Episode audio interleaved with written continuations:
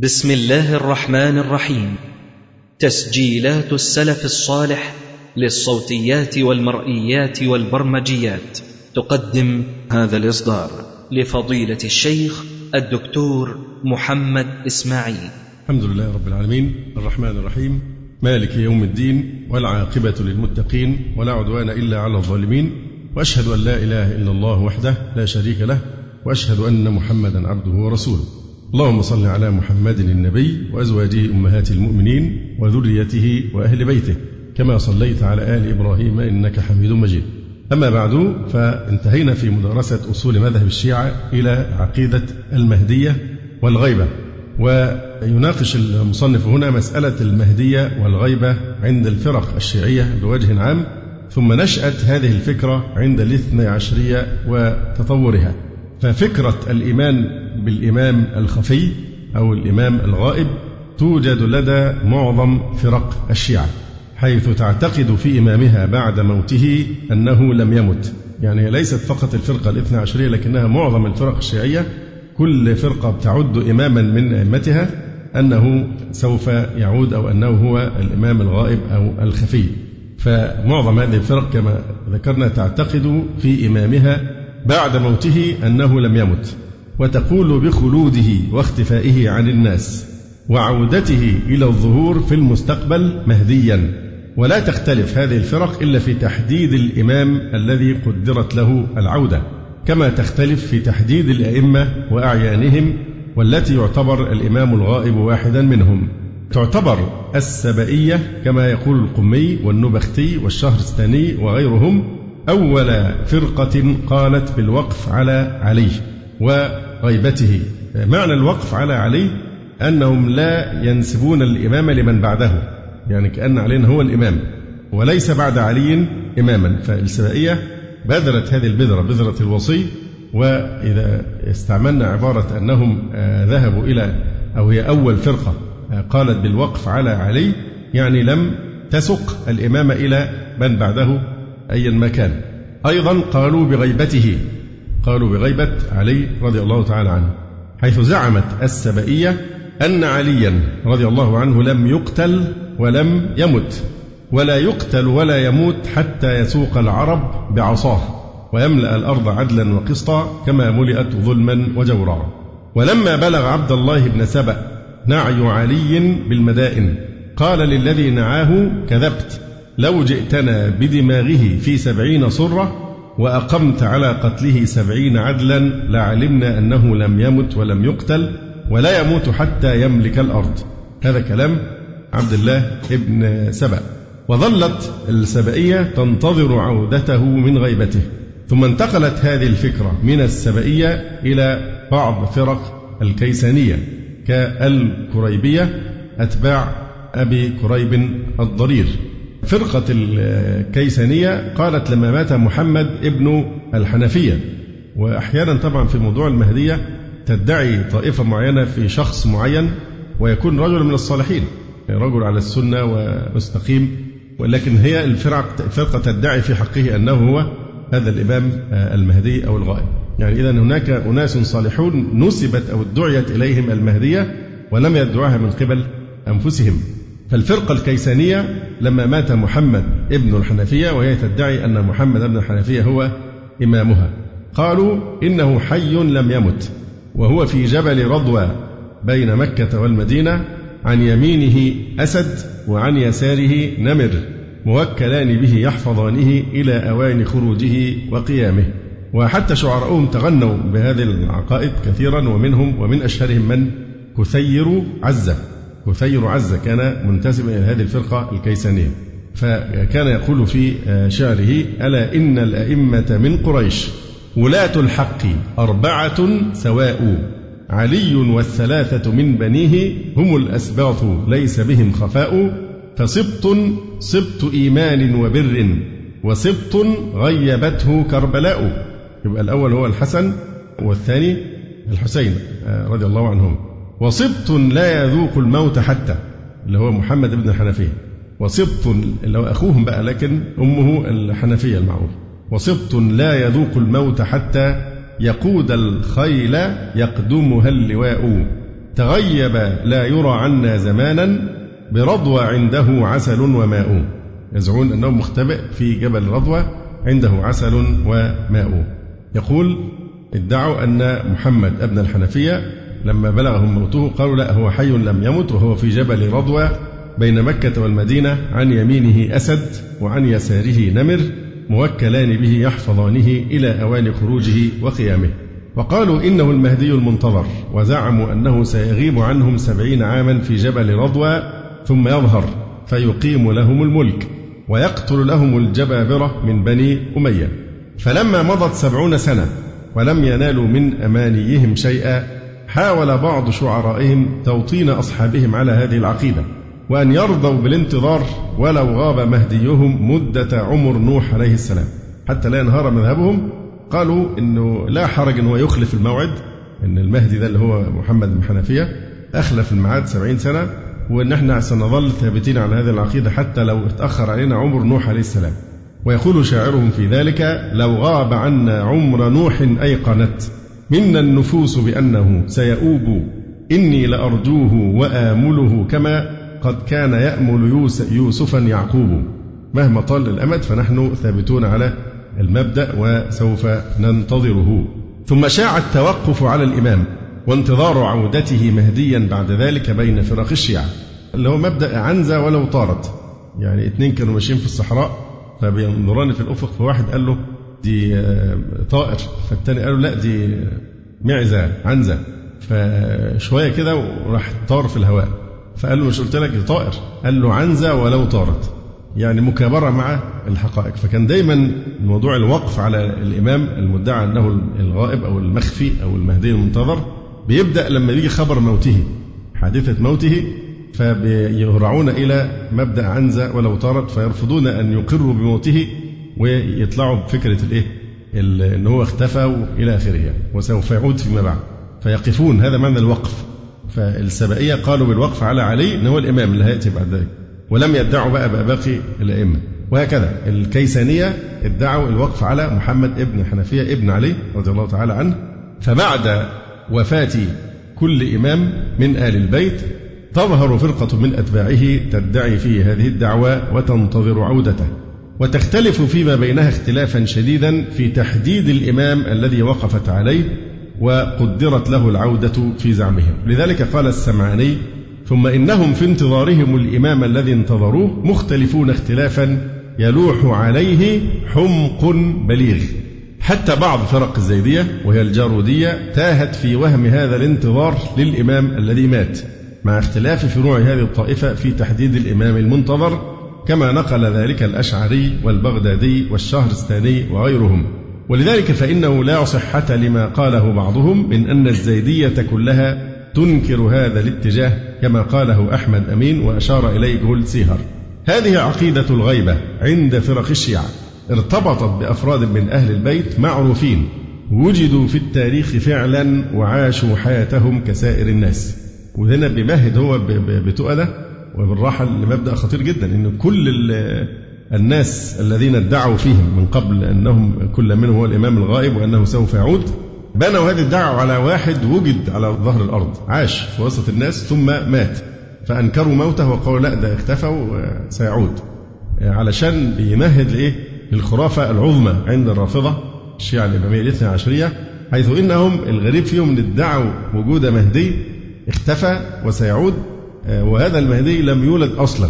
يعني كان من قبلهم من ضلال الشيعة أرحم كانوا أخف حالا وأخف ضلالا من إيه؟ من هؤلاء الاثنى عشرين. لأن دول على الأقل يتشبثون بشخص وجد والناس عاشوا معه وعرفوا أحواله ونحو ذلك ثم لما مات ادعوا فيه ادعوا الوقف عليه وأنه سوف يعود.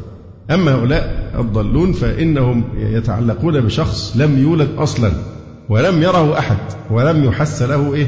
حس ولا خبر. فيش أي شيء يدل على أنه خلق هذا المخلوق. فهو هنا بيمهد لهذا الأمر. يقول هذه عقيدة الغيبة عند فرق الشيعة. ارتبطت بأفراد من أهل البيت معروفين. وجدوا في التاريخ فعلا وعاشوا حياتهم كسائر الناس. فلما ماتوا ادعت فيهم هذه الفرق تلك الدعوة حيث لم تصدق بموتهم وزعمت أنهم غابوا وسيعودون للظهور مرة أخرى. أما هذه الفكرة عند الاثني عشرية فتختلف من حيث إنها ارتبطت عندهم بشخصية خيالية لا وجود لها عند أكثر فرق الشيعة المعاصرة لظهور هذه الدعوة وهي عند أصحابها شخصية رمزية ولذلك يرمزون إليها بدون ذكر اسمها. يعني أكثر فرق الشيعة التي كانت معاصرة لموت الحسن العسكري أنكرت دعوى آه، وجود ابن له وأنه الإمام المختفي إلى آخره. فهي شخصية رمزية لم يرها الناس ولم يعرفوها ولا يعلمون مكانها غابت كما يدعون بعد ولادتها ولم يظهر حملها. وأحيطت ولادتها بسياج من السرية والكتمان بل إن عائلتها ووكيلها وأقرب الناس إليها لم يعلموا بأمر هذا الحمل وذلك المولود وكانوا له منكرين. بل لم يظهر للشيعة التي تدعيه إلا من خلال نواب يدعون الصلة به.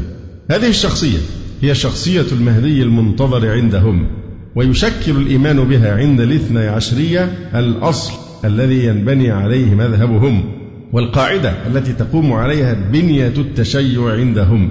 إذ بعد انتهاء وجود أئمة الشيعة بوفاة الحسن العسكري أصبح الإيمان بغيبة ابنه المزعوم هو المحور.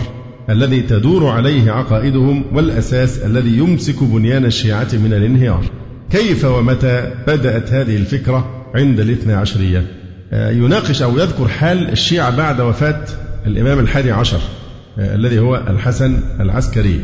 يقول لابد في الحديث عن النشأة أن نتناول حال الشيعة بعد وفاة الحسن لعلاقته الوثيقة بنشأة هذه الفكرة. إذ بعد وفاة الحسن الذي هو إمامهم الحادي عشر سنة ستين ومائتين لم يرى له خلف ولم يعرف له ولد ظاهر.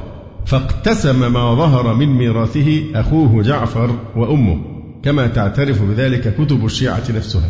يعني لما مات الورثة اللي كانوا موجودين لو أخوه جعفر وأمه هم الذين ورثوه. ولم يوجد أحد آخر يكون له نصيب في الميراث. وبسبب ذلك اضطرب أمر الشيعة وتفرق جمعهم لأنهم أصبحوا بلا إمام ولا دين عندهم بدون إمام. يعني خذلهم الله سبحانه وتعالى في الإمام الحادي عشر بأنه آه، مات عقيما لم يولد له. وبالتالي المذهب كله سينهار. كل هذه الخرافات سوف تنهار لأنها قائمة على أن الأرض لا تخلو من إمام وأن الإمامة واجبة على الله والعياذ بالله لأنها لطف إلى آخر هذا الضلال المبين. فإزاي كده الدين تماما سينهار؟ كل عقيدتهم سوف تنهار لما سبق أن بينا من مكانة الاعتقاد في الإمام عند دين هؤلاء يعني القوم. فوقعوا في غاية الحرج. أصبحوا بلا إمام ولا دين عندهم بدون إمام لأنه هو الحجة على أهل الأرض. وحتى كتاب الله سبحانه وتعالى في زعمهم ليس حجة عندهم إلا بالإمام كما بينا ذلك من قبل. وهم يعتقدون أن بالإمام بقاء الكون. إذ لو بقيت الأرض بغير إمام لساخت. وهو أي الإمام أمان للناس كما جاء في كتبهم ولو أن الإمام رفع من الأرض ساعة لماجت بأهلها كما يموج البحر بأهله. ولكن الإمام مات بلا عقب وبقيت الأرض بلا إمام ولم يحدث شيء من هذه الكوارث. فتحيرت الشيعة واختلفت في أعظم أمر عندها وهو تعيين الإمام. فافترقت إلى أربع عشرة فرقة كما يقول النوبختي أو خمس عشرة فرقة كما ينقل القمي وهما من الاثنى عشرية. وممن عاصر أحداث الاختلاف إذ هما من القرن الثالث فمعلوماتهما مهمة في تصوير ما آل إليه أمر الشيعة بعد الحسن العسكري. ومن بعدهما زادت الفرقة واتسع الخلاف. حيث يذكر المسعودي الشيعي المتوفى سنة ست وأربعين وثلاثمائة. ما بلغه اختلاف شيعة الحسن العسكري بعد وفاته وأنه وصل إلى عشرين فرقة. فما بالك بما بعده؟ وقد ذهبت هذه الفرق مذاهب شتى في أمر الإمامة. يعني الاختلاف ده كله ناشئ يعني ناشئ في الفرق الشيعية نفسها. يعني اللي بيتكلم هنا بيشير إلى إيه؟ إن الشيعة نفسهم انقسموا إلى هذه الفرق بعد آه، موت الحسن العسكري. فمنهم من قال إن الحسن بن علي حي لم يمت وإنما غاب وهو القائم. فلأن الراجل قدامهم مات الحسن العسكري مات وتوزعت التركة ومفيش أولاد فعايزين يشوفوا مخرج. فقالوا لا ده هو الحسن بن علي لم يمت في الحقيقة لكنه حي ومختفي وسيعود وهو الإمام المهدي هو القائم أي هو المهدي. فمنهم من قال إن الحسن بن علي حي لم يمت وإنما غاب وهو القائم ولا يجوز أن يموت ولا ولد له ظاهر لأن الأرض لا تخلو من إمام. فوقفت هذه الفرقة على الحسن العسكري وقد ذهبت هذه الفرق مذاهب شتى في أمر الإمامة فمنهم من قال إن الحسن بن علي حي لم يمت وإنما غاب وهو القائم ولا يجوز أن يموت ولا ولد له ظاهر. ما دام ما جابش أولاد يبقى لازم يفضل هو نفسه إيه؟ حي. لأنه ما ينفعش يموت وملهوش ولد ظاهر. شوفوا المنطق. فعلا غاية في الحمق كما ذكر آه، بعض العلماء. لأن الأرض لا تخلو من إمام. فوقفت هذه الفرقة على الحسن العسكري وقالت بمهديته وانتظاره كما هي العادة عند الشيعة بعد وفاة كل إمام تدعي إمامته. وذهبت فرقة أخرى إلى الإقرار بموته. مجموعة ثانية قالت لا ده هو مات بالفعل ولكنها زعمت أنه حي بعد موته. بعد موته هو حي ولكنه غائب وسيظهر. مش عارفين إزاي يبقى حي ومات. بينما فرق أخرى حاولت أن تمضي بالإمامة من الحسن إلى أخيه جعفر. يبقى الإمامة تتحول إلى آه، جعفر أخيه. وأخرى أبطلت إمامة الحسن بموته عقيما قالوا بما أنه مات عقيما إذا لم يكن إماما. لأن الإمام لابد أن يخرج من صلبه ولد حتى يتم عدد الأئمة. أما الاثنى عشرية فقد ذهبت إلى الزعم بأن للحسن العسكري ولدا هم محتارين يعني يخرجوا إزاي من الورطة دي؟ ده الدين كله سينهار. فالفرقة الإمامية الاثنى عشرية ذهبت إلى زعم عجيب جدا عشان يحلوا المشكلة. فقالوا إن الحسن العسكري كان له ولد كان قد أخفى مولده. أبوه اللي هو الحسن العسكري إيه؟ أخفى على الناس ميلاده. وستر أمره لصعوبة الوقت. وشدة طلب السلطان له فلم يظهر ولده في حياته ولا عرفه الجمهور بعد وفاته. هذا في الكلام عن الشيعة. ولا عرفه الجمهور بعد وفاته. كلمة الجمهور هنا إيه؟ كلمة خبيثة. لأن معناها أن إيه؟ إن في ناس عرفوه وشافوه واتصلوا به. لكن جمهور الناس ما حدش شافه ويقابل ذلك اتجاه آخر. يقول إن الحسن بن علي قد صحت وفاته. كما صحت وفاة آبائه بتواطؤ الأخبار التي لا يجوز تكذيب مثلها وكثرة المشاهدين لموته وتواتر ذلك عن الولي له والعدو وهذا ما لا يجب الارتياب فيه. وصح بمثل هذه الأسباب أنه لا ولد له. فلما صح عندنا الوجهان ثبت أنه لا إمام بعد الحسن بن علي وأن الإمامة انقطعت. يعني دول كانوا إيه منطقيين شوية كما جاز أن تنقطع النبوة بعد محمد صلى الله عليه وسلم فكذلك جائز أن تنقطع الإمامة لأن الرسالة والنبوة أعظم خطرا وأجل والخلق إليها أحوج والحجة بها ألزم والعذر بها أقطع لأن معها البراهين الظاهرة والأعلام الباهرة فقد انقطعت فكذلك يجوز أن تنقطع الإمامة قبلوا الأمر الواقع وتصرفوا بإيه؟ بشيء من المنطق يعني. قطعت كذلك فرقة أخرى بموت الحسن بن علي وأنه لا خلف له وقالت إن الله سيبعث قائما من آل محمد ممن قد مضى إن شاء بعث الحسن بن علي وإن شاء بعث غيره ونحن الآن في زمن فترة انقطعت فيه الإمامة. وهكذا تضاربت أقوالهم واختلفت اتجاهاتهم وتفرقوا شيعا وأحزابا كل حزب بما لديهم فرحون. وبلغت الحيرة في تلك الفترة أن اختار بعضهم التوقف وقال نحن لا ندري ما نقول في ذلك وقد اشتبه علينا الأمر. هذه بعض ملامح الخلاف الذي دب بين الشيعة بعد وفاة الحسن. قد يتعجب الإنسان من ذلك الإصرار الشديد على القول بإمامة أحد من آل البيت. حتى إنهم لا ينكرون موت من مات أو يدعون أنه حي بعد موته. أو يخترعون ولدا لمن لا عقب له. وقليل منهم ثاب إلى رشده لما انكشف له الغطاء بموت الإمام عقيما فترك التحزب والتشيع وقال بانقطاع الإمامة ورجع إلى شؤون حياته. ولعل هذه الفئة هي التي تتشيع عن صدق. فلما تبين لها الأمر وسقط القناع رجعت. إن أهم سبب لهذا الإصرار يتبين من خلال اختلاف هذه الفرق ونزاعها فيما بينها للدفاع عن رأيها والفوز بأكثر قدر من الأتباع حيث إن كل طائفة تنادي بمهدي لها وتكذب الأخرى. ومن خلال تلك الخصومة تتسرب الحقيقة كما يحصل حينما يتنازع اللصوص. لنستمع مثلا إلى ما ترويه الاثنى عشرية التي تقول بالغيبة والوقف على الابن المزعوم للحسن العسكري في كشف حقيقة دعوى الطائفة الأخرى التي تقول بالغيبة والوقف على موسى الكاظم. تقول مات أبو إبراهيم أي موسى الكاظم وليس من قوامه أحد إلا وعنده المال الكثير. القوام اللي هم النواب والوكلاء. مات أبو إبراهيم موسى الكاظم وليس من قوامه أحد إلا وعنده المال الكثير. وكان ذلك سبب وقفهم وجحدهم موته طمعا في الأموال. كان عند زياد بن مروان القندي سبعون ألف دينار وعند علي بن أبي حمزة ثلاثون ألف دينار.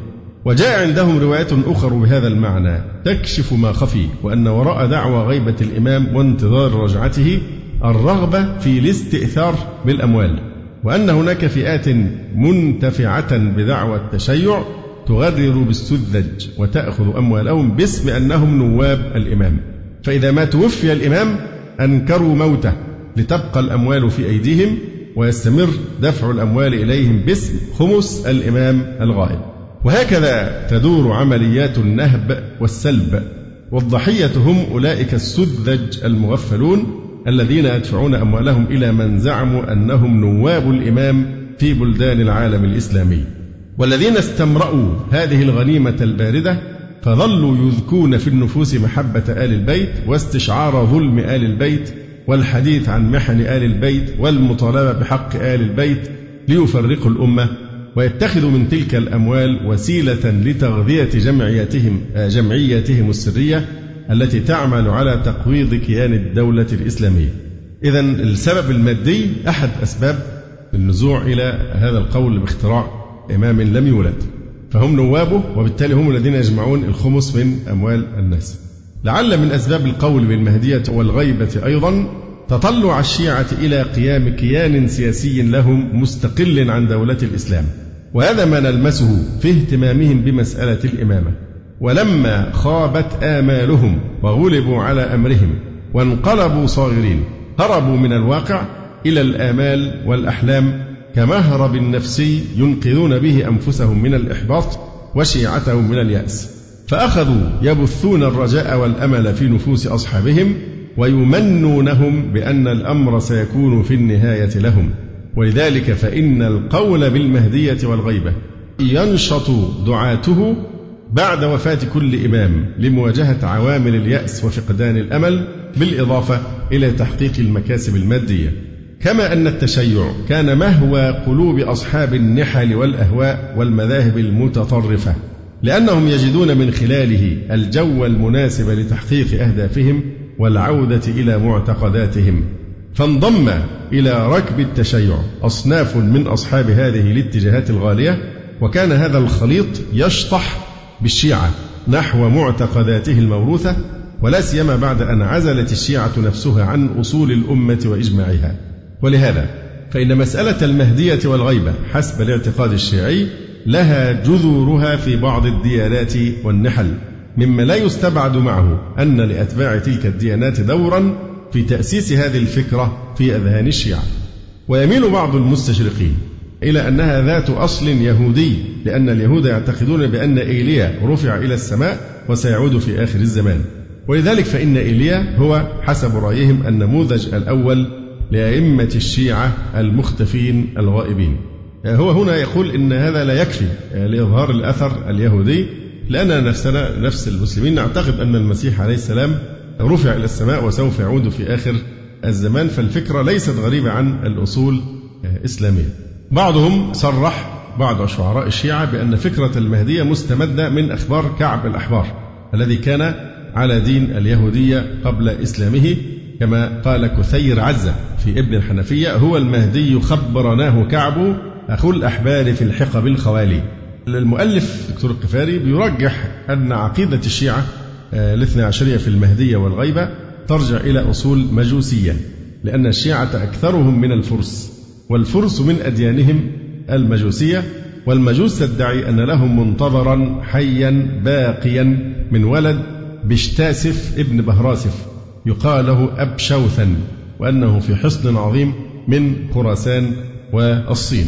وهذا مطابق لجوهر آه، مذهب الاثني عشرية. آه، ثم يناقش من الذي وضع مبدأ الغيبة عند الاثني عشرية. فإذا كان ابن سبأ هو الذي وضع عقيدة النص على علي بالإمامة فإن هناك ابن سبأ آخر هو الذي وضع البديل لفكرة الإمامة بعد انتهائها حسيا بانقطاع النسل الحسن. أو أنه واحد من مجموعة وضعت هذه الفكرة لكنه الوجه البارز لهذه الدعوة. هذا الرجل يدعى عثمان بن سعيد العمري وقد قام بدوره في منتهى السرية حيث كان يتجر في السمن تغطية على الأمر وكان يتلقى الأموال التي تؤخذ من الأتباع باسم الزكاة والخمس وحق أهل البيت فيضعها في جراب السمن وزقاقه تقية وخوفا.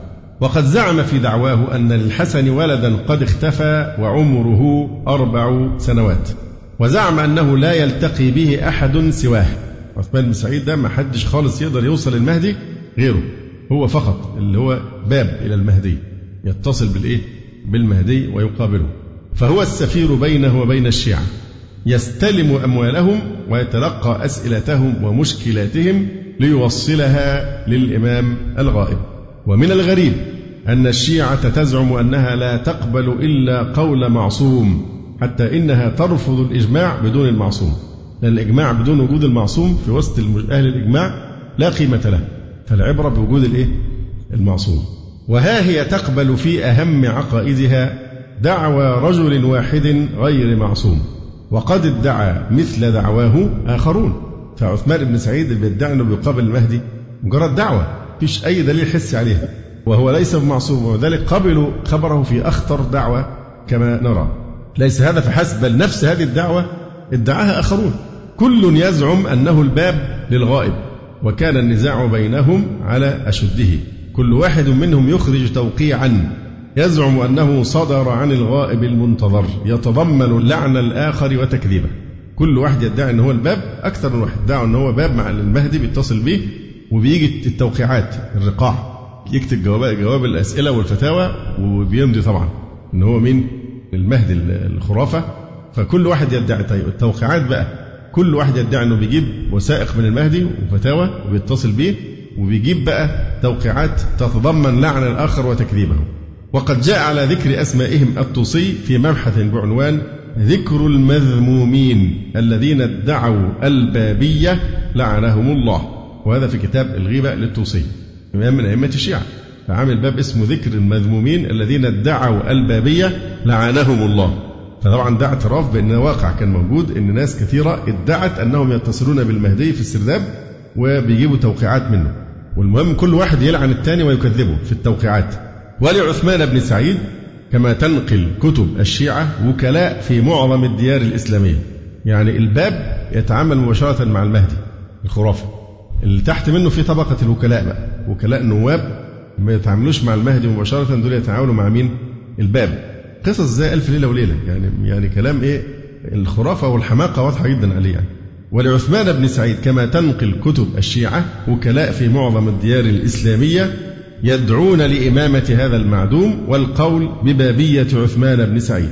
وقد جاء على ذكر هؤلاء الوكلاء ابن بابويه القمي وهو أجمع نص لأسمائهم كما يذكر محمد باقر الصدر. وهناك وكلاء آخرون غير مرضيين من عثمان بن سعيد ومن يشايعه. وقد ذكر منهم الطوسي سبعة في مبحث بعنوان ذكر المذمومين من وكلاء الأئمة. والفرق عندهم بين الباب والوكيل أن الباب يلتقي بالإمام الغائب والوكيل يلتقي بالباب ولا يرى الإمام ويكون الواسطة بين الشيعة والباب. ولما توفي عثمان بن سعيد الأول اللي هو الباب الأول المعتمد عليه عند الاثنى عشرية عين من بعده ابنه محمدا. ولكن خالفه في ذلك طائفة منهم فلم ترتض ببابية ابنه. ونشأ نزاع بينهم ولعن بعضهم بعضا. فهذا أحد المخالفين ويدعى أحمد بن هلال الكرخي. لما قيل له ألا تقبل أمر أبي جعفر محمد بن عثمان بن سعيد وترجع إليه؟ وقد نص عليه الإمام المفترض الطاعة. فقال لهم لم أسمعه ينص عليه بالوكالة. ولست أنكر أباه. يعني أنا مقر أن أباه اللي هو عثمان بن سعيد هو الباب لكن آه، لم أسمعه بنفسي ينص عليه بالوكالة. أما أن أقطع أن أبا جعفر اللي هو ابن بقى محمد وكيل صاحب الزمان فلا أجسر عليه. فقالوا قد سمعه غيره. فقال أنتم وما سمعتم؟ فلعنوه وتبرؤوا منه. وتكشف بعض أوراقهم سبب هذا التنازع بينهم. يذكر الطوسي مثلا عن رجل يدعى محمد بن علي بن بلال أنه رفض بابية محمد بن عثمان العمري وأنه جرى بينه وبين العمري قصة معروفة كما يقول حيث تمسك الأول بالأموال التي كانت عنده للإمام وامتنع من تسليمها وادعى أنه الوكيل حتى تبرأت منه الجماعة ولعنوه. هو ده جوهر الموضوع. إنه مش عايز يسلم الأموال اللي عنده لمين؟ لهذا الباب الجديد. وادعى قال ده أنا الباب. ادعى نفسه إنه هو الباب فطبعا تبرأوا منه ولعنوه وحصل فتلاحظ هنا أنه شارك عثمان بن سعيد في الوكالة فلما توفي استأثر هو بالمال. فهو تزاحم وتكالب على البابية والوكالة من أجل جمع الأموال. وإلا لو كان هناك إمام غائب يسير أمر شيعته عن طريق الأبواب لما صارت الأموال إلى هذا الرجل المحتال ولما كان محل ثقة الإمام صاحب الزمان لأن الإمام عندهم يعلم ما كان وما يكون. يبقى هو المفروض الباب بتاعه وبيحتال وياخد أموال باسم الخمس ومظلومية آل البيت إلى آخره. وهو نصاب. طيب مش الإمام المفروض أنه معصوم وأنه يعلم الغيب ويعلم ما كان ويعلم ما يكون؟ فلماذا هذا الإمام يتعامل مع واحد بهذه المثابة؟ المفروض أن هو يحذر من إيه؟ من التعامل معه وينفي عنه صفة البابية. يقول فلماذا لم يصدر أمره من البداية؟ في التحذير من التعامل معه حتى لا يأخذ أموال الناس. لكن الحقيقة أنه لا إمام غائب هو ما جاش تحذير من الإمام المهدي لأنه أصلا لم يخلق. بل توجد عصابات تأكل أموال الناس بالباطل باسم التشيع والتدين وأن نزعها كان لأجل تلك الأموال. ثم توفي محمد ابن عثمان ابن سعيد سنة 304 أو 305 بعد أن تولى البابية نحوا من خمسين سنة. يحمل الناس إليه أموالهم ويخرج إليهم التوقيعات بالخط الذي كان يخرج في حياة الحسن عليه السلام. إليهم بالمهمات في أمر الدين والدنيا. وفيما يسألونه من المسائل بالأجوبة العجيبة. وتولى بعده رجل يدعى أبا القاسم الحسين بن روح. وقد كان كما تذكر روايتهم يقوم بمهمة البابية في آخر حياة محمد ابن عثمان حيث كان يحيل إليه استلام الأموال التي يأتي بها الأشياع. لذلك قال رجل يدعى محمد بن علي الأسود كنت أحمل الأموال التي تحصل في باب الوقف إلى أبي جعفر محمد بن عثمان العمري فيقبضها مني فحملت إليه شيئا من الأموال في آخر أيامه قبل موته بسنتين أو ثلاث سنين فأمر بتسليمه إلى أبي القاسم الروحي فكنت أطالبه بالقبوض. ما هو محمد بن عثمان بقى إيه؟ ده الباب مش حدش هيقدر يطعن فيه. لكن لما جه قبل ما يموت بسنة أو سنتين جه يجيب له يسلمه الفلوس فقالوا لا روح سلمها لمين؟ لأبي القاسم الروحي. فلما راح بقى أبي القاسم الروحي طلبه بالقبوض اللي هي إيه؟ إيصالات. إيصالات الاستلام فكنت أطالبه بالقبوض فشكى ذلك إلى أبي جعفر محمد بن عثمان. إزاي يطالبني بإيصالات فأمرني ألا أطالبه بالقبوض وقال كل ما وصل إلى أبي القاسم فقد وصل إليه. فكنت أحمل بعد ذلك الأموال إليه ولا أطالبه بالقبوض. ولما تردد أحدهم في تسليم أمواله إلى أبي القاسم ابن روح غضب منه الباب محمد بن عثمان وقال له لم لم تمتثل ما قلته لك؟ ولكن الرجل حاول أن يلاطفه ويهدئ من غضبه خشية أن يخرج له توقيعا بلعنه والبراءة منه. كعادة الأبواب في من يرفض دفع الأموال إليه يعني تماما كإيه؟ تكوك الحرمان عند النصارى. فقال له متلطفا لم أجسر على ما رسمته لي. إلا أن الباب أجابه وهو غاضب وقال له قم كما أقول لك. يقول الرجل فلم يكن عندي غير المبادرة فصرت إلى أبي القاسم بن روح وهو في دار ضيقة فعرفته ما جرى فسر به وشكر الله عز وجل ودفعت إليه الدنانير وما زلت أحمل إليه ما يحصل في يدي بعد ذلك من الدنانير. إذا تلاحظ ما تحيط به الرموز الشيعية نفسها من صفة القداسة وما تضفي به على قولها من العصمة ووجوب الطاعة المطلقة وإلا فاللعن والطرد من رحمة الله. كما تلاحظ بأن لغة المال بزنس لغة المال هي اللغة السائدة في التوقيعات المنسوبة للمنتظر وعلى ألسنة الأبواب والوكلاء. المال عصب الحياة.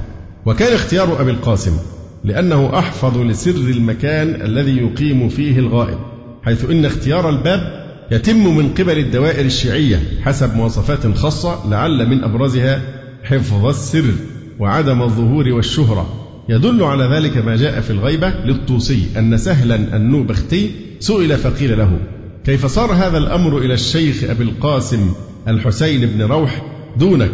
فقال هم أعلم وما اختاروه ولكن أنا رجل ألقى الخصوم وأناظرهم ولو علمت بمكانه مكان المهدي الغائب يعني.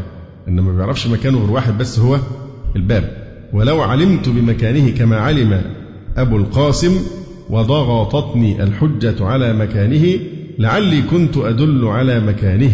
يعني عايز يقول إن أنا عشان إنسان مشهور وبناظر المخالفين وبتكلم وكذا فممكن المخالفين في يوم من الأيام يضغطوا عليه جامد ويقولوا فين المهدي الخرافة بتاعك ده؟ طب ورينا هو فين. فبيقول أنا ممكن أكون ضعيف ما أقدرش أكتم السر فاحتمال حد يستفزني في مناظرة ويقول لي طب هات لنا يعني خلينا نشوفه هو فين مكانه. فأنا يعني إيه أتورط وأتكلم كسبق لسان ما يحفظش السر يعني فيورط المهدي ويكشف عن إيه سر وجوده. كلام؟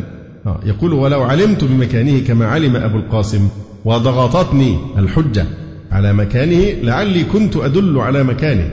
وأبو القاسم فلو كانت الحجة تحت ذيله وقرض بالمقاريد ما كشف الذيل عنه.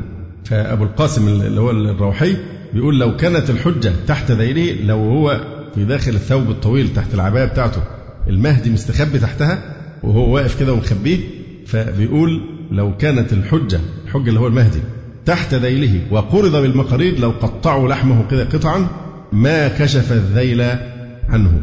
دين الأسرار والطلاسم والخرافات والكذب والأحقاد. ما, الذي يرغب في مثل هذا الدين؟ ولذلك الشباب الرافضة لما بينقلبوا على الدين بيبقى إلحاد من أسوأ أنواع الإلحاد. لأن هذا هو النموذج الذي يقدم له أنه هذا الدين الذي يرفضه العقل والفطرة وكل شيء. فبالتالي لما بينقلبوا إلى ملاحدة نتيجة رفض هذا الدين بينقلبوا إلى أسوأ أنواع الملاحدة. إلا من يريد الله به خيرا وتكون سبقت له السعادة فيهديه الله إلى الإسلام الحق كما أنزله الله. يقول ورغم ذلك فقد أثر تعيين أبي القاسم ابن روح نزاعا كبيرا بين الخلايا السرية فانفصل عدد من رؤسائهم وادعوا البابية لأنفسهم وكثر التلاعن بينهم. وقد اضطر بعضهم لأن يكشف حقيقة دعوى البابية تلك بسبب أنه لم ينجح في اقتناص مجموعة أكبر من الأتباع.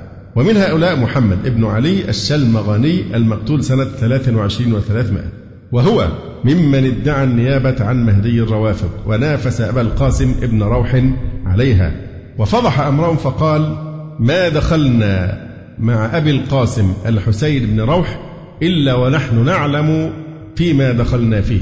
لقد كنا نتهارش على هذا الأمر كما تتهارش الكلاب على الجيف. يعقب على ذلك أحمد الكسروي. أحمد الكسروي آه، رحمه الله إيراني كان يعني شيعيا. ثم فتح الله عليه وتاب وأسلم وقتل قتله الرافضة بعد ذلك. رحمه الله. يقول لقد صدق فيما قال فإن التخاصم لم يكن إلا لأجل الأموال. كان الرجل يجمع المال ويطمع فيه فيدعي البابية لكي لا يسلمه إلى آخر. بعد ما يجمع المال ومبلغ كبير. فيقول لا بقى أنا الباب. مش يسلمها للباب كوكيل يعني لا ده هو يقول أنا الباب يدعي البابيه لنفسه عشان لا تجود نفسه إنه يسلمها لواحد تاني وهو في إيده إن هو يعني يأخذ هذه الأموال. ثم ما لبث ابن روح أن توفي سنة 26 و300 فانتقلت البابية بوصية منه إلى رجل رابع يدعى أبا الحسن علي بن محمد السمري. تولى منصب البابية وكان قد انقضى على غيبة الإمام قرابة سبعين عاما لم يتحقق فيها أمل الشيعة في رجعته رغم انتظارهم إياه وتلهفهم عليه. طبعا كما سيأتي إن شاء الله تعالى لو جمعنا كما سيحصل إن شاء الله لو جمعنا الآثار الواردة عن الوظيفة التي يأتي بها المهدي إلى الدنيا وهيعمل إيه في البشر لكنا نقول يعني وإنه فعلا موجود كنا نقول إيه؟ يعني عجل الله نسفه من الوجود لأن المهدي الخرافة الوهمي الصورة اللي رسمها الشيعة رجل مجرم مخرب قتال سفاح متعطش للدماء مش هيسيب حد وبالذات العرب. هيذبح العرب بالذات مذابح. طبعا ده نفس مجوسي آه، نفس فارسي العصبية الفارسية عندهم. فهنشوف إن شاء الله أن المهدي ده هو مجرم. المهدي بتاعهم اللي هو متوهمينه هو طبعا غير موجود غير مخلوق. لكن لو فعلا لو كان موجود وهيطلع بدل ما هم بيقولوا كل ما يجي اسمه عجل الله فرجه ويقولوا إيه؟ وشمت بنا الأعداء. يقفوا عند المكان اللي هو هناك ويقولوا يا إمام اخرج فقد آه، مش عارف طال بنا الانتظار وشمت بنا الفجار. يقصدوا أهل السنة أن دايما أهل السنة بيسخروا منهم في موضوع المهدي فبيشتكوا له بقى بيقولوا الناس شمتت فينا أنت تأخرت علينا قوي. فاخرج يا مولانا فقد طال الانتظار وشمت بنا الفجار.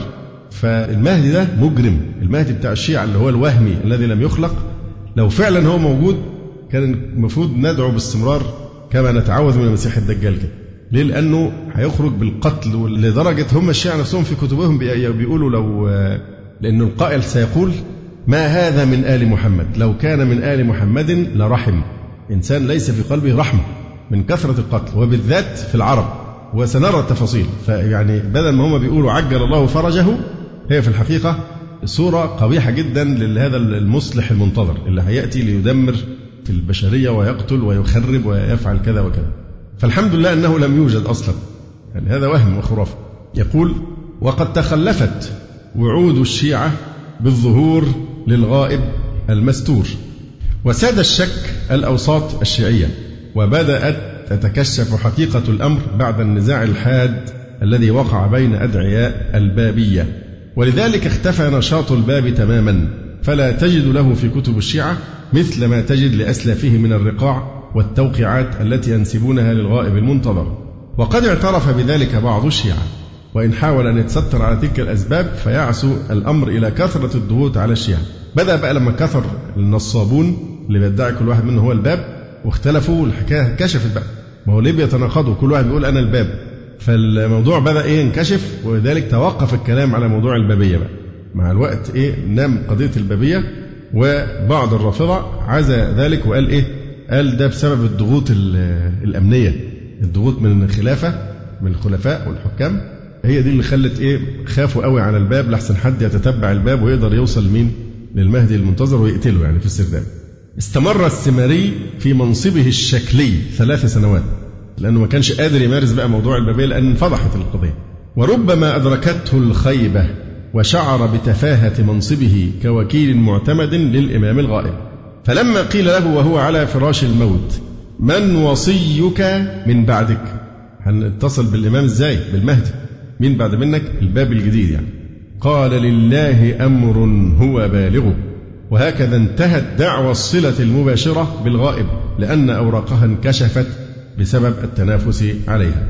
ووصلت دعوى الغيبة إلى طريق مسدود إذ لم تنجح فكرة البابية الخاصة. ولكن أخرج شيوخ الشيعة توقيعا منسوبا للسمري عن المنتظر يعلن فيه انقطاع البابية المباشرة. مرحلة جديدة بقى. دي الفترة اللي فاتت كانت الغيبة الإيه؟ الصغرى. يعني بيظهر لشخص واحد الباب. دخلوا بقى في مرحلة جديدة الغيبة الكبرى. لا سبيل إطلاقا للاتصال بالمهدي المنتظر في السرداب. فادعوا وجود وثيقة للسمري عن المنتظر يعلن فيه انقطاع البابية المباشرة واختراع مبدأ النيابة العامة التي يشترك فيها شيوخ الشيعة. ذلك الخميني والتاني ده اللي هو علي خامنئي ده منصبه هو نائب عن المهدي ده نائب عن المهدي. النيابة بقى العامة.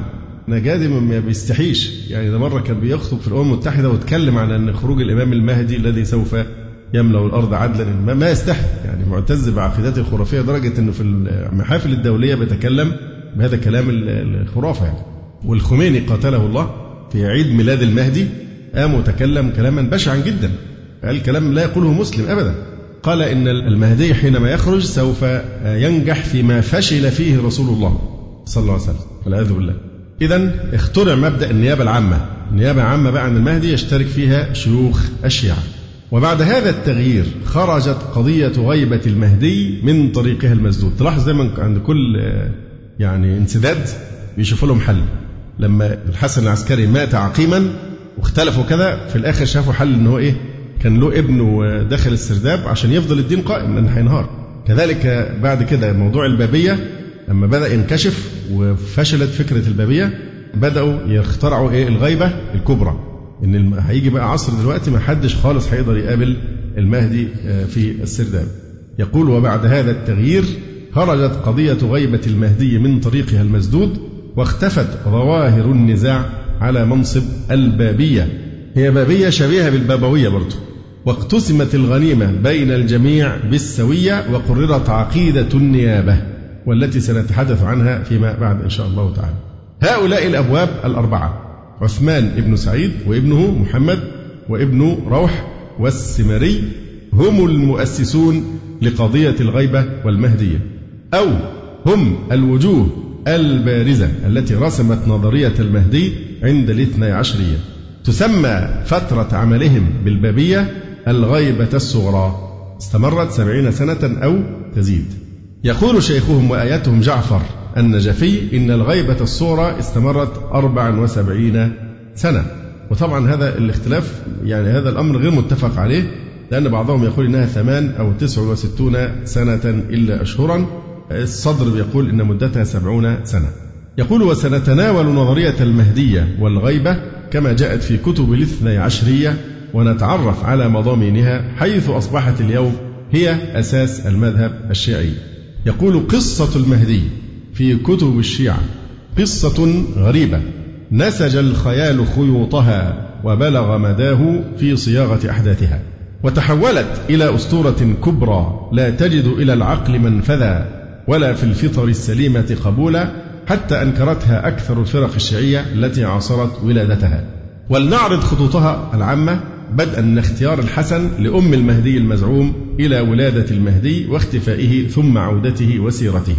أما اقتران الحسن بأم المهدي فقد صاغت كتب الشيعة أحداثه بما يشبه قصص ألف ليلة وليلة. فاختيار الحسن العسكري للجارية التي ينسبون لها الولد قد تم كما تصوره كتب الشيعة عن دراية بالغيب المستور. فهو يبعث خادمه لسوق بيع الجواري ويعطيه أوصاف الجارية ونوع ملابسها والكلام الذي ستنطق به أثناء بيعها. وما يحدث أثناء المساومة.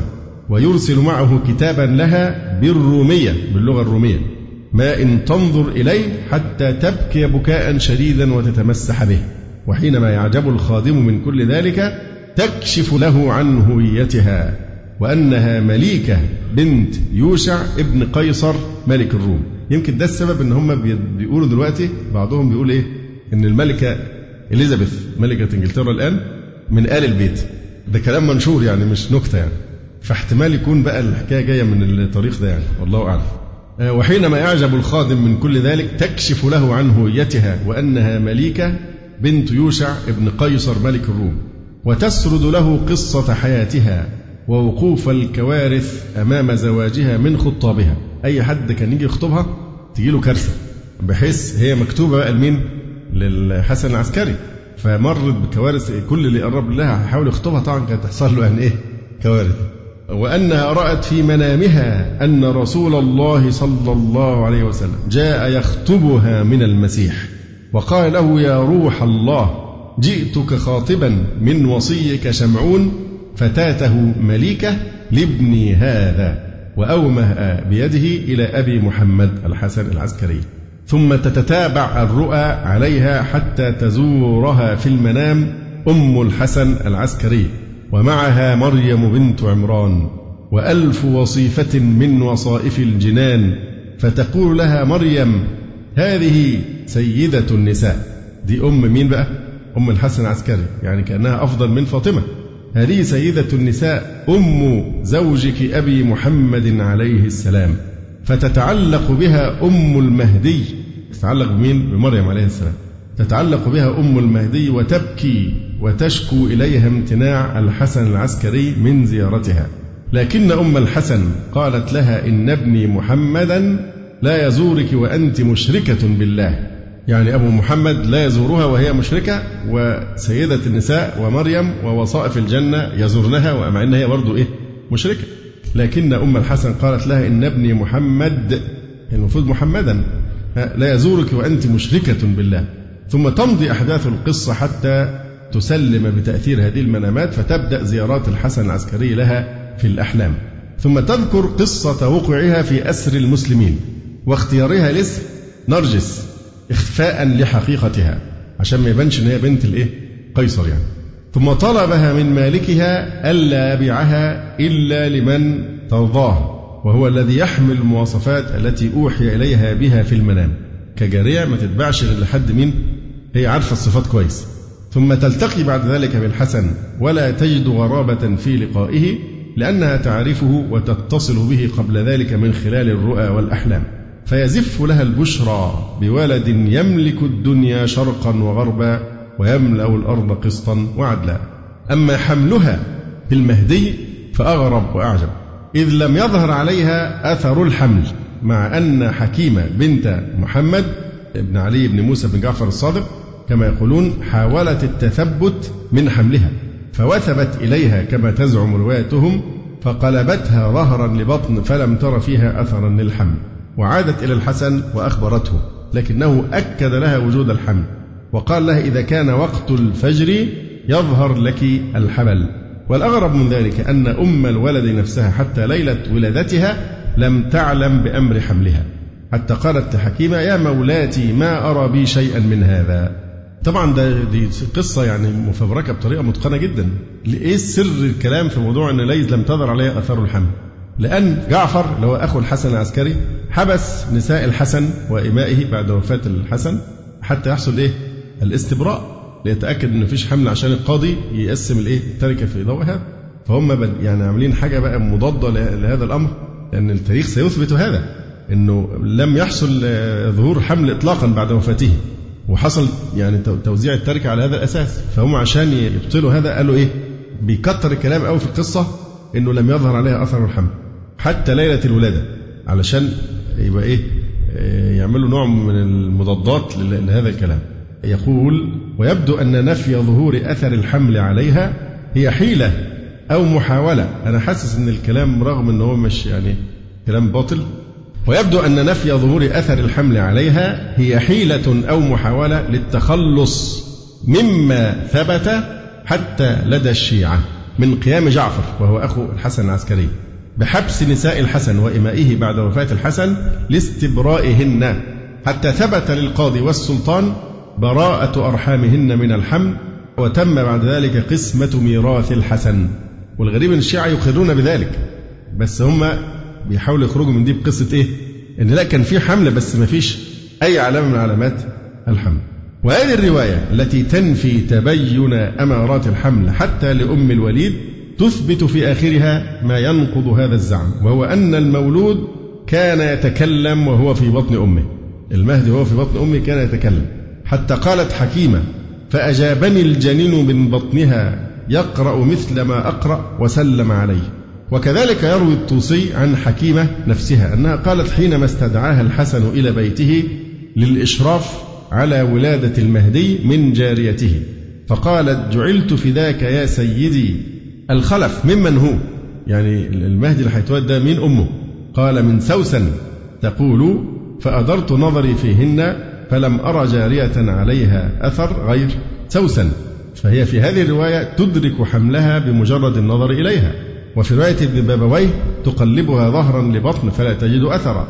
وهي هنا تسميها سوسن وهناك تسميها نرجس. كما تسمى في بعض الروايتين بأسماء أخرى زي ريحانة وصقيل إلى آخره. وكل يضع كما يشاء وكتب الاثنى عشرية تستوعب وتتسع لجميع أنواع الأكاذيب. وحينما ولد شوف قصة الولادة بقى. والفصل التالي في الولادة بقى. وحينما ولد المهدي سقط من بطن أمه جاثيا على ركبتيه. عارفين جاثي على ركبتيه؟ زي ما إحنا بنقعد كده في التشهد مثلا بس على ركبته بقى. جاثيا على ركبتيه رافعا سبابتيه إلى السماء ثم عطس. فقال الحمد لله رب العالمين وصلى الله على محمد وآله. زعمت الظلمة أن حجة الله داحضة لو أذن لنا في الكلام لزال الشك. وفي رواية أخرى أنه سقط ساجدا لله وهو يتشهد ويدعو بقوله اللهم أنجز لي ما وعدتني ثم عرج بهذا المولود إلى السماء بواسطة طيور خضر وحينما تبكي الأم نرجس خوفا على ولدها راح رحلة بقى في السماء معراج. فخايف عليه الولد يقع ولا حاجة. ثم عرج بهذا المولود إلى السماء بواسطة طيور خضر وحينما تبكي الأم نرجس خوفا على ولدها يجيبها الحسن بقوله سيعاد إليك كما رد موسى إلى أمه. أما نموه فهو مخالف تماما لسنة الله في خلقه وخارج عن النواميس الطبيعية التي يخضع لها الكائن الحي بأمر الله. يصور ذلك الخبر المروي على لسان حكيمة بنت محمد حيث تقول لما كان بعد أربعين يوما يعني من من ميلاده دخلت على أبي محمد عليه السلام فإذا مولانا الصاحب يمشي في الدار فلم أرى وجها أحسن من وجهه. الولد عنده أربعين يوم فبتوصفه بقى. لم أرى وجها أحسن من وجهه ولا لغة أفصح من لغته. فقال أبو محمد عليه السلام هذا المولود الكريم على الله عز وجل. فقلت سيدي أرى من أمره ما أرى وله أربعون يوما؟ فتبسم وقال يا عمتي أما علمت أن معاشر الأئمة ننشأ في اليوم ما ينشأ غيرنا في السنة؟ النمو يعني معدل النمو. وفي رواية القمي إن الصبي منا إذا كان أتى عليه شهر كان كمن أتى عليه سنة. وإن الصبي منا يتكلم في بطن أمه ويقرأ القرآن. ده كل الأئمة بقى.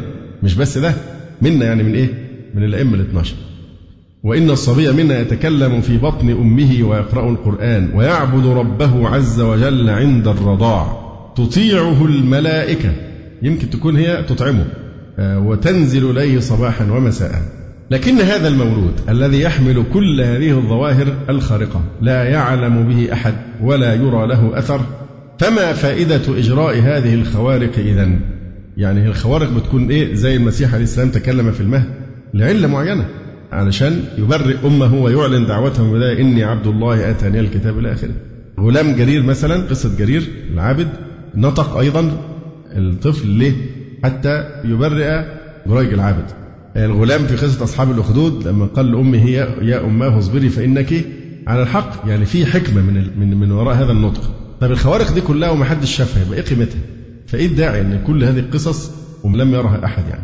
ثم ما لبث بعد كده كمان لا ما لبث أن غاب. اختفى بقى الولد ده الخارق سوبر طفل يعني. ثم ما لبث أن غاب ولم يعلم بأمره ولا غيبته أحد إلا حكيمة. والتي تقول كما تنسب إليها الرواية إن الحسن أمرها ألا تفشي هذا الخبر في أمر هذا المولود حتى ترى اختلاف شيعته بعد وفاته. قصة محبوكة. إن قال لها بقى اللي هو الحسن اللي هو الأب بقى. قال لها اوعي تتكلمي أبدا إن في ولد اسمه محمد بن الحسن ولا أحواله وأوضاعه اللي أنت شفتيها لحد لما بعد ما يموت والشيعة تختلف وبقول لهم لا ده عنده ولد وقصته كذا كذا لحد ما اختفى. يقول ثم ما لبث أن غاب ولم يعلم بأمره ولا غيبته أحد إلا حكيمة والتي تقول كما تنسب إليها الرواية إن الحسن أمرها ألا تفشي هذا الخبر في أمر هذا المولود حتى ترى اختلاف شيعته بعد وفاته حيث قال الحسن فإذا غيب الله شخصي وتوفاني ورأيت شيعتي قد اختلفوا فأخبري الثقات منهم فإن ولي الله يغيبه الله عن خلقه ويحجبه عن عباده فلا يراه أحد حتى يقدم له جبرائيل عليه السلام فرسه ليقضي الله أمرا كان مفعولا. فمسألة المهدي وغيبته تسربت إلى الشيعة عن طريق حكيمة كما تقوله رواية شيخ الطائفة. وما أدري كيف يقبل الشيعة قول امرأة واحدة غير معصومة في أصل المذهب وهم الذين يردون إجماع الأمة بأسرها إذا لم يكن المعصوم فيهم ولو في مسألة فرعية. وتلاحظ أن إمامهم يأمر بحجب أمر المهدي وغيبته إلا عن الثقات من شيعته. مع أن من لم يعرف الإمام عندهم فإنما يعرف ويعبد غير الله. وإن مات على هذه الحالة مات ميتة كفر ونفاق. أما وقت غيبة المهدي فإن روايات الشيعة تتضارب في تحديده. فيروي الطوسي أن حكيمة قالت فلما كان بعد ثلاث من مولده يعني كان عنده ثلاث عمره ثلاثة أيام اشتقت إلى ولي الله فصرت إليهم فبدأت بالحجرة التي كانت سوسا فيها. فلم أرى أثرا ولا سمعت ذكرا فكرهت أن أسأل. فدخلت على أبي محمد عليه السلام فاستحييت أن أبدأ بالسؤال فبدأني فقال هو يا عمه في كنف الله وحرزه وستره وغيبه حتى يأذن الله له. عارف إنها بتدور على الولد لأن لك اشتقت إلى ولي الله عايز اشوفه قال لها إيه؟ قبل ما هي تسأل هو يا عمه في كنف الله وحرزه وستره وغيبه حتى يأذن الله له. يبقى هو اختفى وكان عنده كم؟ ثلاثة أيام. رواية ثانية حكيمة فقدته بعد سبعة أيام. وفي رواية ثالثة أنها رأته بعد أربعين يوما يمشي في الدار ثم فقدته بعد ذلك. وفي رواية أخرى أن حكيمة كانت تختلف إلى دار العسكري تزوره كل أربعين يوما وقبل وفاته بأيام قلائل كان عمر المهدي آنذاك خمس سنوات على الأكثر. زار الدار العسكري كعادتها المرة دي هو عنده إيه؟ خمس سنوات. تقول فرأيته رجلا فلم أعرفه وهو خمس سنوات في كام بقى؟ نضربها في كام؟ المعدلات اللي بنختلف فيها من قبل يعني. تقول فرأيته رجلا فلم أعرفه. فقلت لابن أخي عليه السلام من هذا الذي تأمرني أن أجلس بين يديه فقال لي هذا ابن نرجس. هذا خليفتي من بعدي وعن قليل تفقدوني فاسمعي له وأطيعي. الروايات كلها إيه؟ يعني متضاربة. وإذا تضاربت سقطت كلها. هكذا غاب المهدي ولم يعلم بأمره أحد سوى حكيمة التي أودعت خبره ثقات الشيعة كما تقول روايتهم. أما مكان الغيبة فإنه كان موضع السرية والكتمان. ولما تناهى إلى شيعته خبر الغيبة المزعومة حاولوا التعرف على مكانه إلا أن الباب الذي يدعي الصلة به رفض البوح بشيء من ذلك. وأخرج توقيعا سريا ينسبه للمهدي يقول فيه إن عرفوا المكان دلوا عليه. فما حدش يخبرهم. إن عرفوا المكان دلوا عليه. هذا النص يشير إلى أنه في مكان معين وفي مخبأ سري لا يعرفه إلا الباب وأن سبب كتمان مكان غيبته عن شيعته هو خوفه من إخبارهم للغير بمكانه. لكن دلت بعض روايات الكافي على البلد الذي يختفي فيه حيث قالت لا بد لصاحب هذا الأمر من غيبة ولا بد له في غيبته من عزلة ونعم المنزل طيبة. فهي تشير إلى أنه يختبئ بالمدينة النبوية المباركة لأن طيبة من أسمائها. ولما قال أحدهم للحسن العسكري إن حدث بك حدث فأين أسأل عنه؟ قال بالمدينة. بعضهم بقى مش عاجبه المدينة تبقى طيبة. المازندراني بيقول يحتمل أنه يريد بالمدينة سر من رأى. اللي هي مدينة إيه؟ سامراء. بينما يروي الطوسي في الغيبة. أنه مقيم بجبل يدعى رضوى. دي زي مين؟ زي ما قالوا الكسانية في حق محمد ابن الحنفية. فده قال ده هو راح في جبل رضوى. حيث يقول في روايته أعلى مولى آل سام قال خرجت مع أبي عبد الله عليه السلام. فلما نزلنا الروحاء مدينة بينه وبين المدينة أحد وأربعون ميلا. من جبال فارس أحبنا فنقله الله إلينا. أما إن فيه كل شجرة مطعم ونعم أمان للخائف مرتين أما إن لصاحب هذا الأمر فيه غيبتين واحدة قصيرة والأخرى طويلة. تذكر روايات أخرى أنه يختفي في بعض وديان مكة. فقد جاء في تفسير العياشي وغيره أن أبا جعفر قال يكون لصاحب هذا الأمر غيبة في بعض هذه الشعاب ثم أومأ بيده إلى ناحية ذي طوى وهو ماد واد في مكة.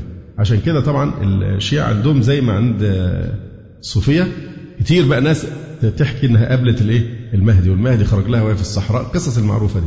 بس بدل ما بيحكوها على عندنا عن صوفيا على الخضر هم بيحكوها على المهدي. يقول غير أن أحاديثهم في الأدعية والزيارة لمقامات الأئمة تلوح إلى أنه مقيم بسرداب سامراء وهي بلدة على دجلة فوق بغداد بثلاثين فرسخا يقال لها سر من رأى فالناس خففوها وجعلوها إيه سامراء وفيها السرداب المعروف في جامعها الذي تزعم الشيعة أن مهديهم يخرج منه. ولذلك جاء فيها. ثم أتي سرداب الغيبة دي تعليمات الآداب ومناسك زيارة الأئمة. فبيقول له تعمل كذا وكذا وكذا.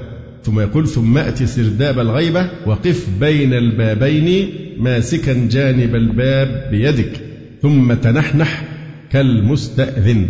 وسمي وانزل وعليك السكينة والوقار. وصل ركعتين في عرضة السرداب وقل اللهم طال الانتظار وشمت بنا الفجار وصعب علينا الانتصار اللهم أرنا وجه وليك الميمون في حياتنا وبعد المنون اللهم إني أدين لك بالرجعة بين يدي صاحب هذه البقعة الغوث الغوث الغوث يا صاحب الزمان بيستغيث بصاحب الزمان اللي هو المهدي الغوث الغوث الغوث يا صاحب الزمان قطعت في وصلتك الخلاف وهجرت لزيارتك الأوطان وأخفيت أمري عن أهل البلدان لتكون شفيعا عند ربك وربي. يا مولاي يا ابن الحسن ابن علي جئتك زائرا لك. تشير بعض أخبارهم إلى أن معه في غيبته ثلاثين من أوليائه يؤنسونه في وحدته. وما بثلاثين من وحشة. وجود ثلاثين واحد معاه برضه إيه؟ يؤنسه يعني هيذهب الوحشة وتخصيص السرداب بتلك الأدعية والمناجاة والاستئذان عند الدخول يدل على أن واضعي تلك الروايات يوهمون أتباعهم بوجوده في السرداب. ولهذا قال ابن خلكان والشيعة ينتظرون خروجه في آخر الزمان من السرداب بسر من رأى. وذكر ابن الأثير أنهم يعتقدون أن المنتظر بسرداب سامراء. ورغم ذلك فإن بعض الشيعة المعاصرين ينفي ما هو واقع ويقول لم يرد خبر ولا وجد في كتاب من كتب الشيعة أن المهدي غاب في السرداب ولا أنه عند ظهوره يخرج منه بل يكون خروجه بمكة ويبايع بين الركن والمقام.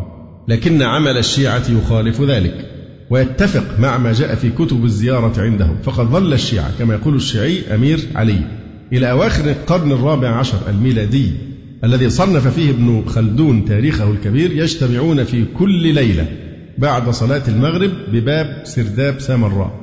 فيهتفون باسمه ويدعونه للخروج حتى تشتبك النجوم ثم ينفضون إلى بيوتهم بعد طول الانتظار وهم يشعرون بخيبة الأمل والحزن.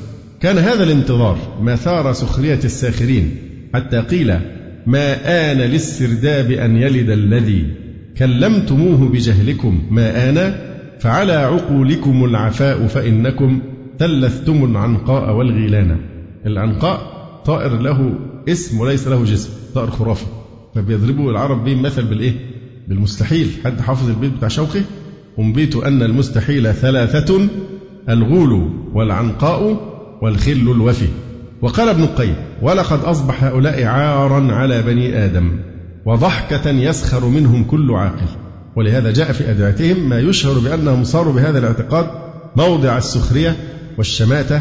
فيدعو أحدهم ويقول مناجيا هذا الغائب طال الانتظار وشمت بنا الفجار. اللي هم أهل السنة. بيعيروهم ويقول لهم إيه؟ إن دي خرافة. وقد جاء في بعض أدعية الزيارات عندهم ما ينبئ عن حيرتهم في مكانه الذي يختفي فيه. فهم يهتفون به ويقولون ليت شعري أين استقرت بك النوى؟ بل أي أرض تقلك أو ثرى أبردوى أم غيرها أم ذي طوى؟ هذا وتذكر روايات أخرى لهم أنه ليس له مكان ثابت بل هو يعيش بين الناس. يشهد الموسم فيراهم ولا يرونه. يعني بيكون موجود في موسم الحج فهو يراهم لكنهم هم لا يرونه. وهكذا تختلف أخبارهم في تحديد مكانه وكل زمرة تذهب في هذا مذهبا على اختلاف الفصائل الشيعية أو على اختلاف الأحوال والأزمنة أو حتى تستمر لعبة التلبيس والتزوير. ومن الطبيعي أن تختلف ما دام غائبهم لا وجود له. وإذا كان مكانه موضع السرية في بعض أخبارهم فإن اسمه أيضا قد حكم عن شيعته. فقد جاء في توقيعات المنتظر التي تصدر عن بابه إن دللتهم على الاسم أذاعوه. فهذا النص يشير إلى أنه مجهول الاسم كما هو مجهول المكان والولادة والنشأة. ولكن ورد في كتب الشيعة أن اسمه محمد غير أن روايات الشيعة كانت تحرم تسميته باسمه حيث جاء فيها ولا يحل لكم ذكره باسمه. بل اعتبرت من يسميه باسمه في عداد الكافرين. وقالت صاحب هذا الأمر لا يسميه باسمه إلا كافر. ولذلك تلاحظ حين يرد ذكره في روايتهم يكتب اسمه بالحروف المقطعة هكذا ميم ها ميم دال. عشان ما يسموش هو كده ما سموهوش باسمه. ولما قالوا كيف نذكره؟ طيب لما إحنا اللي هيقول اسمه هيبقى كافر.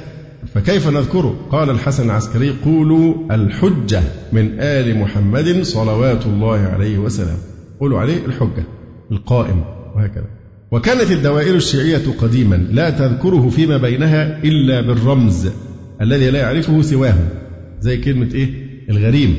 ولهذا قال المفيد عن إطلاق هذا اللقب عليه هذا رمز كانت الشيعة تعرفه قديما بينها ويكون خطابها عليه السلام للتقية الرموز بقى اللي بيطلقوها على المهدي القائم الخلف السيد الناحية المقدسة الصاحب صاحب الزمان وصاحب العصر وصاحب الأمر وغيرها.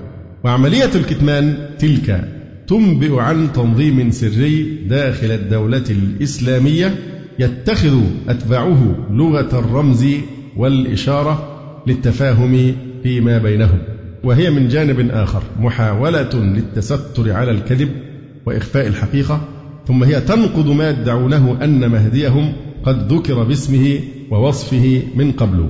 بعض الشيوخين بيقول إن النهي عن التصريح بالاسم خاص بزمن الخوف والتقية أما مدة الغيبة فإن مخترعي هذه الفكرة كانوا يمنون أتباعهم بقصر المدة. اللي اخترعوا فكرة الغيبة أما وصلت سبعين سنة والقصة كما حكيناها وبعد كده دخلوا في الغيبة الكبرى. ودايما كانوا يمنوهم أنه هيجي بدري يعني هيجي بعد عشر سنين بعد عشرين بعد خمسين بعد مية دلوقتي ألف ومية وعشرة تقريبا أو حاجة وسرعة العودة لغائبهم حتى أكدوا في روايتهم أنها لا تعدو ست سنين في أقصى الأحوال. فقد جاء في الكافي عن علي بن أبي طالب كما يفترون أنه قال عن منتظرهم تكون له غيبة وحيرة. يضل فيها أقوام ويهتدي فيها آخرون. ولما سئل كم تكون الحيرة والغيبة قال ستة أيام أو ستة أشهر أو ست سنين. طب 600 سنة وما طلعش برضه. ويبدو أن هذا النص قد وضع في الأيام الأولى لنشوء فكرة الغيبة لتسكين النفوس الثائرة وتهدئة القلوب الحائرة التي أفاقت على الحقيقة المرة حينما مات الإمام بلا عقب. وانجلت الخدعة وتبينت الحقيقة. فربطت حينئذ دعوى الغيبة بهذا الوعد القريب لتكون أسهل للتصديق وأقرب. وليضمنوا الكسب الحاضر للمال الجاهز الذي ينتظر ظهور الإمام ليدفع إليه باسم حق آل البيت. وفي البداء والتقية متسع للتأويل والرجوع عن الكلام في المستقبل. وهذا ما وقع بالنسبة لموقف شيوخهم المتأخرين من هذا النص حيث قال بعضهم إن هو قال لهم إن الغيبة هتكون ستة أشهر أو ستة أيام أو ست سنين. احتاروا طبعا في هذا. فبعضهم بيقول إيه؟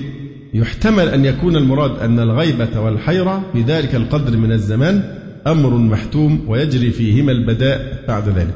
البداء يعني والعياذ بالله كأن ربنا غير إيه؟ قوله ولا حول ولا قوة إلا بالله. البداء. مخرج كويس جدا لأي موقف يحاصرون فيه. يقول لك إما البداء وإما يقول إيه؟ قالها على سبيل التقية وبعضهم بيقول إن المدة دي ستة أيام ستة أشهر ست سنين دي المقصود بها فترة الحيرة مش فترة الإيه؟ الغيبة. مع أن الحيرة والشك قد صاحبتهم في أمر الغيبة كما يظهر ذلك من الكتب التي ألفت في هذه المسألة. فمنهم من حاول التخلص بغير هذا ولكن لم يجرؤ أحد منهم على الطعن في مسألة الغيبة ذاتها. كما جاء عندهم توقيت ظهور هذا الأمر في السبعين من الغيبة ثم غير إلى مائة وأربعين. ثم أخر إلى غير أمد معين. ونسبوا للأئمة استطلاع وقت خروج الغائب من الحروف المقطعة في أوائل السور.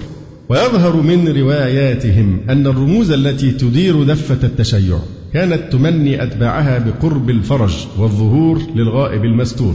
حتى كان من الشيعة من يتوقع خروج الغائب بين لحظة وأخرى. فقد جاء في أخبارهم أن منهم من ترك البيع والشراء والعمل بانتظار الغائب. واشتكوا من هذه الحالة. حتى قال بعضهم لقد تركنا أسواقنا انتظارا لهذا الأمر حتى لا يوشك الرجل منا أن يسأل في يده. ولكن الهدف من هذه الوعود هو ما أشرنا إليه من محاولتهم إمرار لعبتهم وإزالة شك الأتباع وحيرتهم وهذا ديدنهم في تعليل الشيعة بالأماني وتخديرهم بالوعود. حتى اعترفوا في أخبارهم أن الشيعة تربى بالأماني منذ مئتي سنة. وسبب ذلك أنه لو قيل لهم إن هذا الأمر لا يكون إلا مئتي سنة أو ثلاثمائة سنة لقست القلوب ولرجعت عامة الناس عن الإسلام. يعني مذهبهم. لكن قالوا ما أسرعه وما أقربه تألفا لقلوب الناس وتقريبا للفرج. اختلفت روايتهم التي وضعت لمعالجة مشكلة تحديد فترة الغيبة في طريقة معالجتها. فهي تارة تأمر بالتسليم وتقول إذا حدثناكم بحديث فجاء على خلاف ما حدثناكم به فقولوا صدق الله. وإذا حدثناكم بحديث فجاء على خلاف ما حدثناكم به فقولوا صدق الله تؤجروا مرتين. يعني سلم للروايات ما تقولش دي متناقضة ولا محيرة قل صدق الله. إشارة إلى مبدأ الإيه؟ البداء. وهي تارة تعزو سبب إخلاف الوعد للظهور الذي حددته الأئمة بإفشاء الشيعة لسره. ولذلك حينما قال بعضهم ما لهذا الأمر أمد ينتهي إليه ويريح أبداننا؟ قال يعني إمامهم بلى ولكنكم أذعتم فأخره الله. هو كان له موعد فعلا؟ بس لما أنتم نشرتوه يعني شكل خطر على المهدي. فعاقبكم الله بإيه؟ أخره إلى أجل غير مسمى. وتقول روايتهم إن الله تبارك وتعالى كان قد وقت هذا الأمر حدد له موعد معين. إلى أربعين ومائة فحدثناكم فأذعتم الحديث فكشفتم قناع الستر ولم يجعل الله بعد ذلك وقتا عندنا. وهي تارة تعزو ذلك لقتل الحسين. يقول أبو عبد الله في زعمهم طبعا إن الله تبارك وتعالى قد كان وقت هذا الأمر في السبعين. فلما أن قتل الحسين صلوات الله عليه اشتد غضب الله تعالى على أهل الأرض فأخره. وهم ينظمون ذلك كله في عقيدة البداء. ولذلك قال المازندراني توقيت ظهور هذا الأمر توقيت بدائي. فلذلك جرى فيه البداء. عقيدة البداء معروفة. وهي حينا تنفض اليد من أخبار التوقيت كلها وتقول كذب الوقاتون وهلك المستعجلون ونجا المسلمون. كذب الوقاتون اللي هم بيحددوا موعد وهلك المستعجلون اللي بيقولوا إمتى بقى هيخرج المهدي؟ ونجا المسلمون. إن هم يعنون أنفسهم يعني. وقالوا أيضا كذب الوقاتون أنا أهل بيت لا نوقت. ما نحددش ميعاد المهدي هيجي إمتى. وأيضا في بعض رواياتهم ما وقتنا فيما مضى ولا نوقت فيما يستقبل. ورواية أخرى من وقت لك من الناس شيئا فلا تهابن أن تكذبه فلسنا نوقت لأحد وقتا. رواية أخرى أبى الله إلا أن يخالف وقت الموقتين. هكذا تتضارب أخبارهم وتتناقض لأن الوضع يتم حسب الظروف والمناسبات. أما سبب غيبته إيه اللي خلاه اختفى؟ فقد جاء في الكافي عن زرارة قال سمعت أبا عبد الله يقول إن للقائم عليه السلام غيبة قبل أن يقوم. قلت ولم؟ قال إنه يخاف وأومأ بيده إلى بطنه يعني القتل.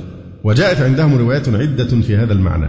وأكد ذلك شيخ الطائفة الطوسي بقوله لا علة تمنع من ظهوره إلا خوفه على نفسه من القتل. لأنه لو كان غير ذلك لما ساغ له الاستتار. وكان يتحمل المشاق والأذى فإن منازل الأئمة وكذلك الأنبياء عليهم السلام إنما تعظم لتحملهم المشاق العظيمة في ذات الله تعالى. ولكن هذا التعليل للغيبة الذي يؤكده شيخ الطائفة لا يتصور في حق الأئمة على ما يعتقد الشيعة لأن الأئمة كما هم يعتقدون بالنص يعلمون متى يموتون ولا يموتون إلا باختيار منهم. دي عقيدة عند الرافضة وفيها نص. إن الأئمة ال 12 يعلمون متى يموتون ولا يموتون إلا باختيار منهم. يبقى مش هينفع حد يغتاله. وهيبقى عارف هو هيموت إمتى وإزاي. فليه ما يظهرش؟ كما أثبت ذلك الكليني في الكافي في روايات عديدة. وبوب لها بهذا اللفظ المذكور. وأثبت ذلك المجلسي في بحار الأنوار. وبوب له بلفظ أنهم عليه السلام. يعلمون متى يموتون. وأنه لا يقع ذلك إلا باختيارهم.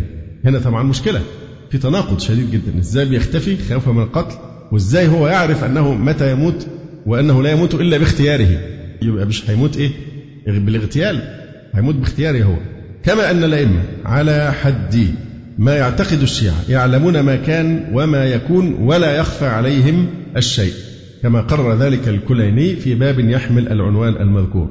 فطبعا اللي بيعلم بقى الغيب المفروض انه عارف الخطر ويقدر يحترز من هذا الخطر. فبوسعهم أن يحترزوا من الخطر بما لا يخطر على بال أحد. ثم لماذا لم يقتل واحد من أولئك النواب الأربعة الذين يدعون الصلة بالإمام مباشرة وهم ليسوا كالإمام لا يموتون إلا باختيار منهم. كذلك قد توفر الأمن التام للإمام في أثناء قيام بعض الدول الشيعية. فلماذا لم يخرج إليهم ويأنسوا بطلعته ويستفيد من علمه وسلاحه وقوته؟ وإذا ما زالت الدولة رجع إلى مكمنه. ولذلك قال أحمد الكسروي الشيعي الأصل رحمه الله إذا كان منتظرهم قد اختفى لخوفه على نفسه. فلما لم يظهر عندما استولى آل ويه الشيعيون على بغداد وصيروا خلفاء بني عباس طوع أمرهم. فلما لم يظهر عندما قام الشاه إسماعيل الصفوي وأجرى من دماء السنيين أنهارا. فلما لم يظهر عندما كان كريم خان الزندي وهو من أكبر سلاطين إيران يضرب على السكة اسم إمامكم صاحب الزمان اللي هي العملة يعني. يختم عليها صاحب الزمان ويعد نفسه وكيلا عنه. فدي كلها حالات تمكن وإذا خرج هيحموه وإذا خرج الآن في دولتهم أيضا سيقومون بحمايته وينتفعون به كثيرا. فلماذا لم يخرج؟ وبعد فلما لا يظهر اليوم وقد كمل عدد الشيعيين ستين مليونا وأكثرهم من منتظرين. هذا في عهد الإيه؟ كسروي. كذلك اليوم من بعد الكسروي قامت دولة الآيات. فلما لا يخرج إليهم ولا سيما وهم يجأرون بالدعوات والاستغاثة لخروجه منذ مئات السنين. كما وضعت روايات تعلل الغيبة بامتحان قلوب الشيعة واختبارهم. ده, ده امتحان من ربنا. اللي هي الناس بتبقى إيه؟ الان الموضوع طول. فجت لهم روايات بقى عملوا لهم روايات إن دي اختبار للناس المؤمنين اللي عندهم يقين. وقد يكون هذا التعليل الذي تحمله تلك الروايات محاولة منهم لمعالجة ظاهرة الشك الذي تسلل إلى قلوب الشيعة حيث لم تجد هذه المسألة طريقها إلى عقول كثير منهم حتى اضطرهم ذلك إلى نبذ عقيدة التشيع ورفضها. كما مل الشيعة الانتظار للغائب الموعود حتى قال قائلهم قد طال هذا الأمر علينا حتى ضاقت قلوبنا ومتنا كمدا وأطل عليهم شبح الشك الرهيب. وقد شهد بذلك ابن بابويه القمي حيث يقول رجعت إلى نيسابور وأقمت فيها فوجدت أكثر المختلفين علي من الشيعة قد حيرتهم الغيبة ودخلت عليهم في أمر القائم عليه السلام الشبهة. صورت روايتهم التي وضعت لمعالجة هذا الأمر حيرتهم في أمر الغائب وطول غيبته وانقطاع إخباره. جاء في الكافي عن زرارة قال سمعت أبا عبد الله يقول إن للغلام غيبة قبل أن يقوم وهو المنتظر وهو الذي يشك في ولادته. يعني كل الحاجات اللي إحنا بنقولها عليهم اخترعوا رواية إن الناس هتشك في إن هو اتولد ولا ما اتولدش والناس هتشك هو هيجي ولا ما جاش. إلى آخره طب دي الواقع. فهو بيجيبوا إيه؟ كأنها روايات بقى جاية من زمان بتخبر بالغيب يعني. إن للغلام غيبة قبل أن يقوم وهو المنتظر وهو الذي يشك في ولادته. منهم من يقول مات أبوه بلا خلف. ومنهم من يقول إنه ولد قبل موت أبيه بسنتين وهو المنتظر غير أن الله عز وجل يحب أن يمتحن الشيعة فعند ذلك يرتاب المبطلون. يبقى ده امتحان للشيعة المفروض بقى يثبتوا أمام الامتحان. نقت لنا كتب الفرق أن هذا ما حدث لهم بعد موت الحسن العسكري كما سبق. فكأن هذه الرواية وأمثالها اخترعت لمواجهة نزعة الحيرة والشك التي داهمتهم بعد موت إمامهم عقيما. نكتفي بهذا القدر. قولوا قولي هذا. أستغفر الله لي ولكم. سبحانك اللهم ربنا وبحمدك. أشهد أن لا إله إلا أنت. أستغفرك وأتوب إليك. جزى الله فضيلة الشيخ خير الجزاء. ونسأل الله جل وعلا أن يرفع مكانة الشيخ في المهديين وأن يجعله علما من أعلام الهدى والدين. ولا تنسونا وتنسوا الشيخ من دعوة صادقة بظهر الغيب. وتقبلوا تحيات إخوانكم في تسجيلات السلف الصالح بالإسكندرية. هاتف رقم صفر ثلاثة فاصل أربعة تسعة أربعة سبعة ستة خمسة اثنان. والتليفون محمول صفر عشرة واحد ستة أربعة واحد تسعة ثمانية صفر. والسلام عليكم ورحمة الله وبركاته.